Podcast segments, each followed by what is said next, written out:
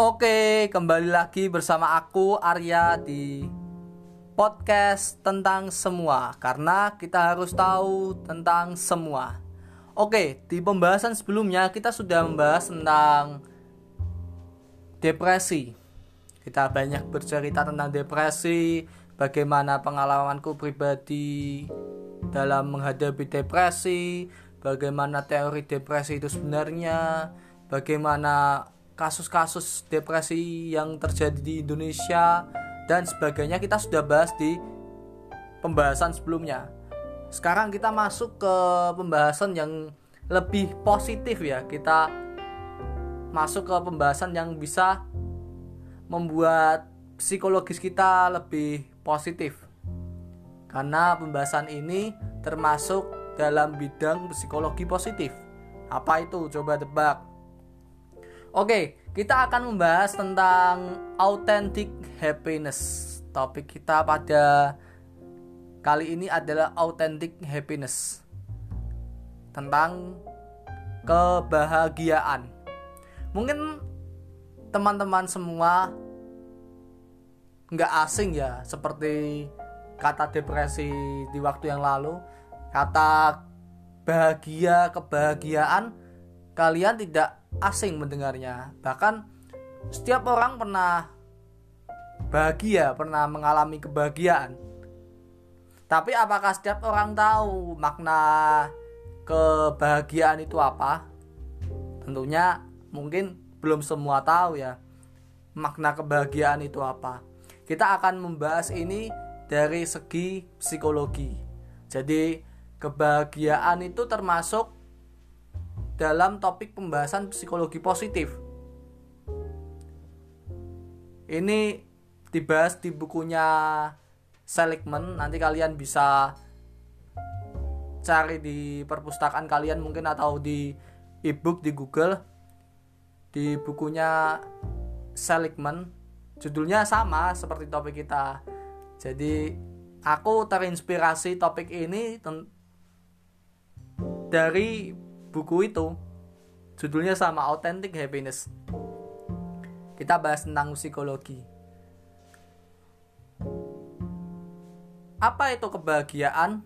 Apa itu happiness? Jadi kebahagiaan adalah keadaan psikologis yang positif di mana seseorang memiliki emosi positif berupa kepuasan hidup, pikiran dan perasaan yang positif terhadap kehidupan yang dijalaninya. Jadi ini merupakan suatu psikologi positif di dalam diri hidup seseorang, individu. Individu yang mengalami kebahagiaan atau individu yang bahagia itu memiliki emosi positif. Emosi-emosi positif. Bukan yang negatif ya Misalnya kepuasan hidup tadi sudah dibahas dan pikiran perasaan yang positif. Jadi bukan hal-hal yang negatif. Ini dikutip dari bukunya Seligman tahun 2002. Kebahagiaan tentunya setiap orang beda, tidak sama. Tolok ukurnya beda. Makanya ini termasuk subjektif well-being atau kesejahteraan subjektif. Karena kenapa kok dibilang subjektif? Karena setiap orang itu penilaiannya tentang kebahagiaan beda-beda, tidak sama. Misalnya nih, aku aku merasa bahagia kalau aku punya uang banyak. Misalnya satu hari aku bisa menghasilkan uang 10 juta. Menurutku itu bahagia tapi ada orang yang lain yang lebih kaya daripada aku. Dengan harta mungkin sehari bisa menghasilkan puluhan juta. Tidak bahagia tidak menikmati hidup itu juga ada. Ada juga mahasiswa nih. Kita contohnya mahasiswa sekarang. Misalnya nih ada mahasiswa yang apa ya? Misalnya contohnya skripsi dia merasa bahagia kalau dia bisa menyelesaikan skripsinya secara lancar. Misalnya nih bab 1 sampai 5 dalam satu bulan selesai. Ada yang bahagia seperti itu. Tapi ada juga mahasiswa yang apa ya dia lebih bahagia kalau dia menikmati proses. Dia tidak terbeban dengan proses itu. Misalnya nih dia menyelesaikan dengan santai tapi serius menyelesaikan penelitiannya skripsinya selama enam bulan baru selesai. Ada juga misalnya nih tentang cinta. Ini kan biasa anak-anak muda zaman sekarang kan pembahasannya cinta ya. Misalnya nih ada yang pacaran bahagianya karena apa? Karena ceweknya cantik. Tapi ada yang pacaran juga bahagia dengan cowok yang nggak ganteng misalnya. Jadi ukuran kebahagiaan setiap individu nggak bisa disamaratakan semua orang beda. Kita tidak bisa memaksakan kamu harus bahagia dengan ukuranku. Nggak bisa karena semua berbeda Nah ini bersifat subjektif. Aku bisa saja bahagia karena aku nggak bekerja.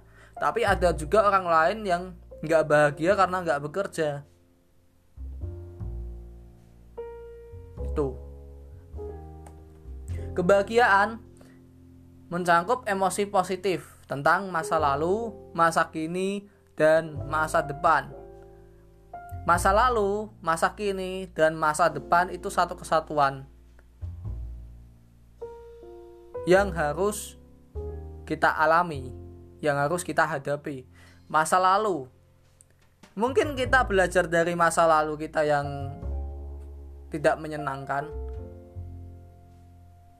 tidak sebahagia sekarang, tapi kita belajar untuk mengubah perasaan yang tidak menyenangkan itu menjadi perasaan positif.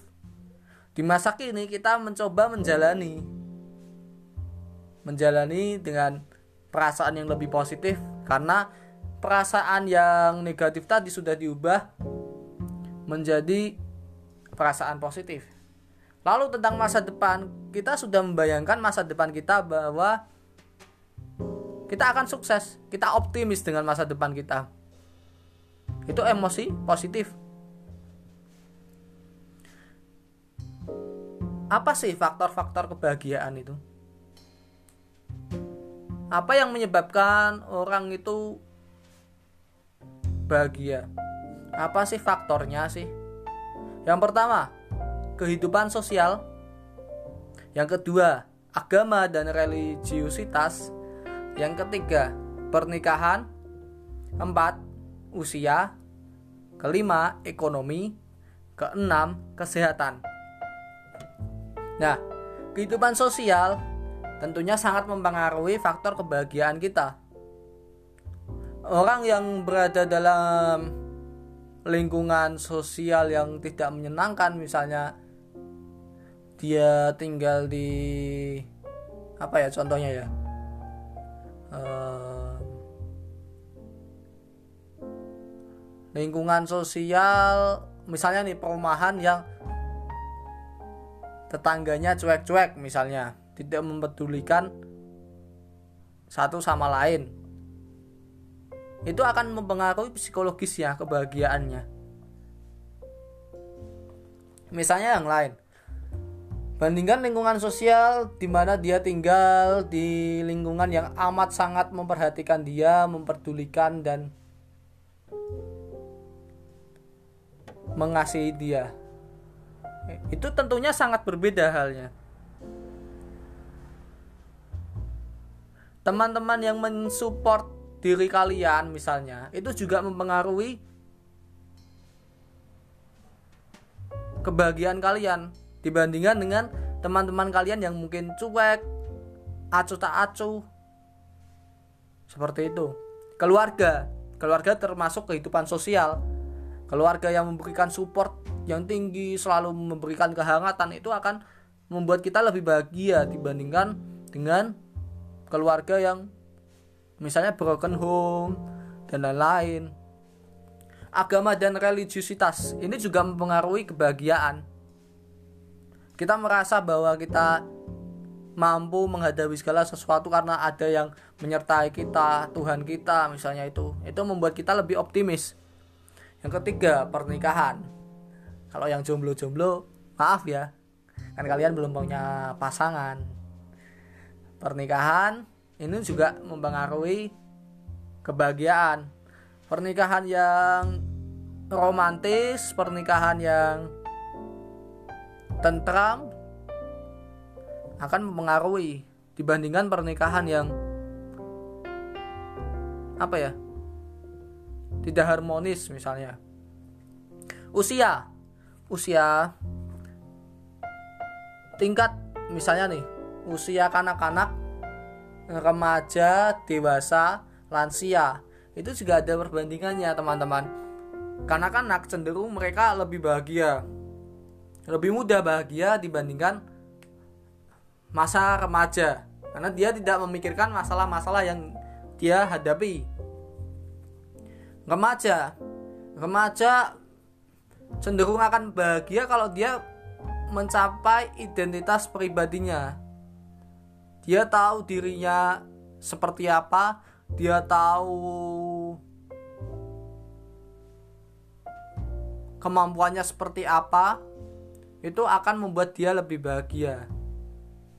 Lansia mungkin lansia ini yang sangat krusial ya karena dia juga membagi kecemasan dalam kecemasan ini. Kecemasan akan kematian.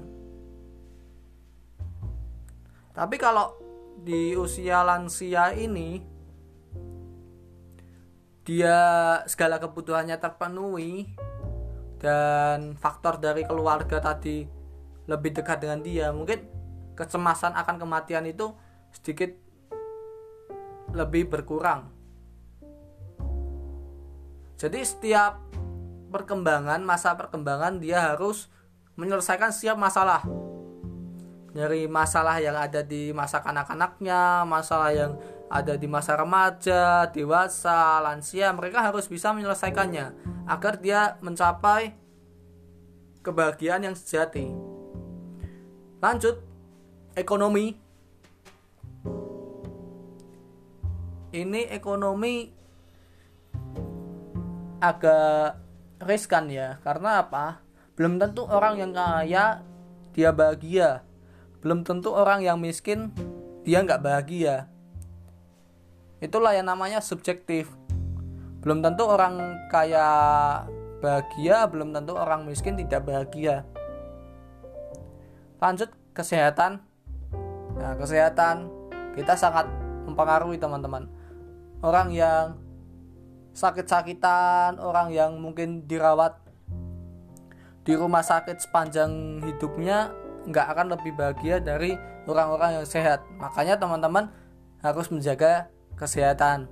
Apalagi ini kan musimnya virus COVID-19 jadi teman-teman harus ikuti himbauan dari pemerintah. Penggunaan masker lalu cuci tangan makanan-makanan yang bergizi berjemur dan sebagainya komponen penting kebahagiaan ini menurut Dinner jadi banyak penelitian yang uh, membahas tentang kebahagiaan. Komponennya apa? Afek positif dan negatif itu yang pertama. Afek itu apa? Emosi, mood atau perasaan. Orang yang bahagia jarang memiliki mood yang negatif. Seringnya positif. Emosi yang negatif itu jarang. Ja ah, jarang. Tapi seringnya itu yang positif yang kedua kepuasan hidup nah teman-teman yang merasa aku kok kurang ini ya dalam hidup ya aku belum puas dengan diriku sendiri ya teman-teman belum merasakan kebahagiaan tapi kalau teman-teman memiliki kepuasan hidup yang tinggi teman-teman memiliki kebahagiaan yang lebih tinggi pula nanti akan kita bahas di episode pembahasan berikutnya tentang kepuasan hidup. Jadi begitulah bahagia. Jadi kebahagiaan nggak bisa diukur secara perspektif orang. Karena kebahagiaan bersifat subjektif. Teman-teman harus uh, lebih bahagia lagi dalam menghadapi hidup. Karena ini sangat apa ya sangat mempengaruhi psikologis teman-teman. Tetap bahagia ya. Oke sekian pembahasan kita pada kali ini kita akan melanjutkan di episode pembahasan berikutnya. Episode pembahasan berikutnya apa ya enaknya? Nanti kita pikir lagi. Teman-teman bisa request memberikan kritik dan saran email ada di deskripsi episode. Oke begitu. Sampai jumpa di lain waktu. Dan tetap setia di podcast tentang semua karena kita harus tahu tentang semua. See you.